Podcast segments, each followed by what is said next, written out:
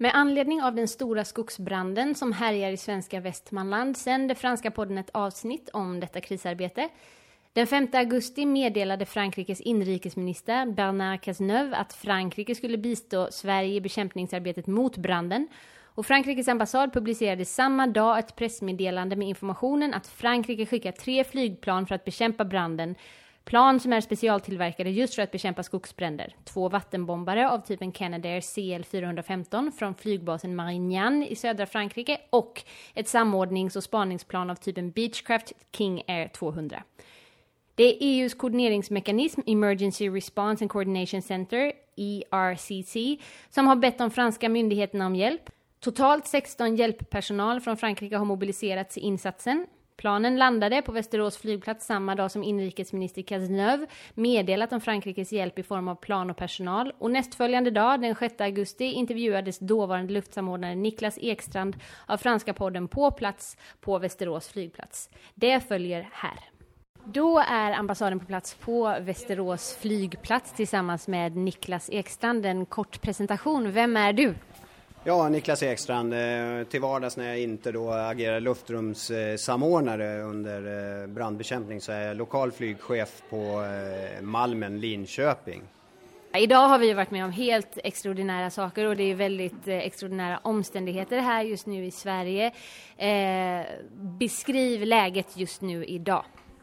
Eh, vi har ju genomlidit eh, lite olika faser av den här branden. Eh, och eh, det som har varit grunden till det är att det har varit så otroligt torrt och väldigt torrt i luften med väldigt låg luftfuktighet. Det eh, kombinerat med väldigt starka vindar, framförallt i tisdags, gjorde att eh, elden eh, spred sig ohejdat kan vi säga.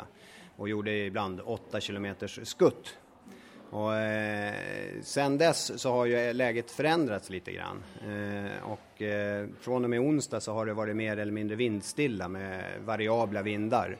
Och det är ju bra för spridningen men samtidigt så ger ju det en eh, rökutvecklingsform eh, eh, som gör att eh, det blir väldigt tjockt med rök och den sprider sig utåt sidorna. Så att eh, siktvärdena de här två dagarna har varit eh, extremt dåligt och vi har haft 100 till 200 meters sikt i vissa fall.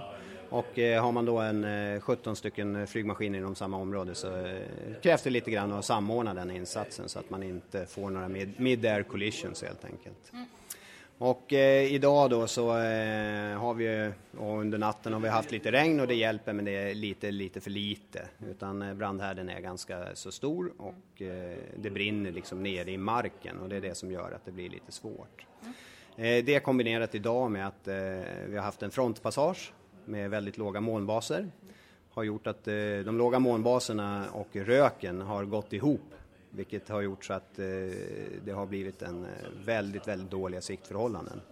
Och det har gjort att vi inte förrän nu framåt sen eftermiddag då har kunnat starta med flygplanen för att genomföra en rekognosering. Eh, nu har vinden tilltagit lite grann och eh, det gör att eh, den här röken och framförallt molnen skingras. Så nu har vi stora förhoppningar på att vi ska kunna påbörja insatserna med vattenbombarna under kvällen. Här. Och vi såg dem precis lyfta här, fyra stycken gula plan ser man bara här. Det var de två franska som lyfte först. Hur går det till nu? Nu lyfter de här iväg mot horisonten och försvann. Vart tar de vägen nu?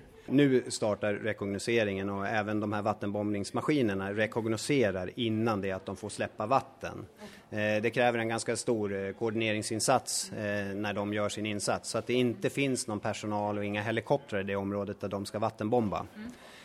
Så innan de får klartecken av att gå in och vattenbomba på ett specifikt område så kräver det räddningsstabens godkännande och då är vi helt säkra på att personal är ute ur området och inga helikoptrar kommer i konflikt med flygplanen. Var hämtar de sitt vatten? Eh, det finns ett eh, antal sjöar så att det finns eh, flera möjligheter och det beror lite på rökutvecklingen och var någonstans vinden tar röken. Eh, så att det finns ett eh, antal sjöar uppe i området eh, plus att vi har Mälaren att tillgå. Kan du beskriva lite kort hur det här har gått till från det att planen har kallats in, från egentligen från att branden har blivit ett konstaterat faktum och det är katastrofläge till att planen faktiskt landar här. Vad är själva händelseförloppet? för att de ska komma hit? Ja, händelseförloppet är ju att inledningsvis naturligtvis så ansågs ju inte branden vara särskilt stor utan eh, den skulle tas om hand av eh, Västerås eh, och Sala.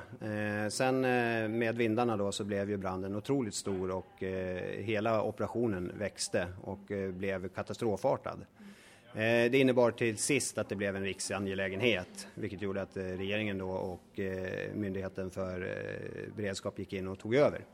Och eh, i och med att det var en, eh, en katastrof då kan man väl säga att, eh, att det blev en nationell angelägenhet då har man då möjlighet inom Europeiska unionen då att äska. äska och fråga efter resurser.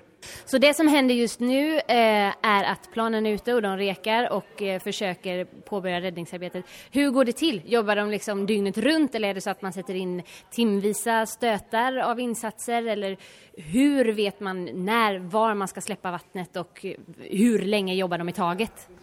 Ja, eh, det är olika mellan helikoptrarna och flygplanen men eh, det vi har gemensamt är att eh, vi gör det här dagtid. För att den svåra rökutvecklingen och läget uppe i området gör att både landa på sjöarna för att fylla på vatten och att släppa vattnet under mörkertid, det är inte görligt. Så därför flyger vi under de ljusa timmarna, vilket är ungefär från 5.30 till 21. Och eh, vad det gäller flygplanen här har jag förstått att de har en eh, endurance, alltså eh, tiden som de kan vara i luften är mellan 3 och 3.30. Så att eh, ungefär tre sådana eh, tre timmars pass per dag eh, är ju teoretiskt möjligt. Men eh, sen är det också arbetstid och trötthet för besättningen som bestämmer. Så det, det är lite avgörande. Men någonstans däremellan hamnar det. Då undrar jag även, vilket är ert kommunikationsspråk? Vi pratar engelska. Och eh, det är ett internationellt eh, språk i, inom flygning så att det, det fungerar bra. Eh, Sverige hade inte tillräckliga resurser att klara av det här själv. Jag förstår det som att det ändå är en stor tacksamhet för att den här typen av hjälpinsats är möjligt genom EU och att andra länder har kommit till undsättning. Har du någon kommentar kring det? Nej, det är ju riktigt att eh, det är ju en stor insats och eh, det är den största branden som vi har haft i Sverige. Så att eh, det tar tid att mobilisera och eh, en eh, brand av den här digniteten eh, Ja, det är väl bara att konstatera att vi hade kanske inte tillräckligt med beredskap för just den vid det här tillfället. Men det är ju ett gott stöd naturligtvis att man kan hjälpas åt inom de, inom de europeiska länderna. Hur lång tid tror vi att det här kommer ta, det här släckningsarbetet? Ja, eh, det är väldigt, väldigt svårt att säga om. Eh, det beror på vindar, och det beror på eh, temperaturer och, men släckningsarbetet förhoppningsvis, det är väldigt, väldigt svårt att säga när det är. Men innan det är helt släckt, där är det vissa brandingenjörer som säger det vet vi inte förrän det är tjäle i marken. Tack så hemskt mycket för din tid.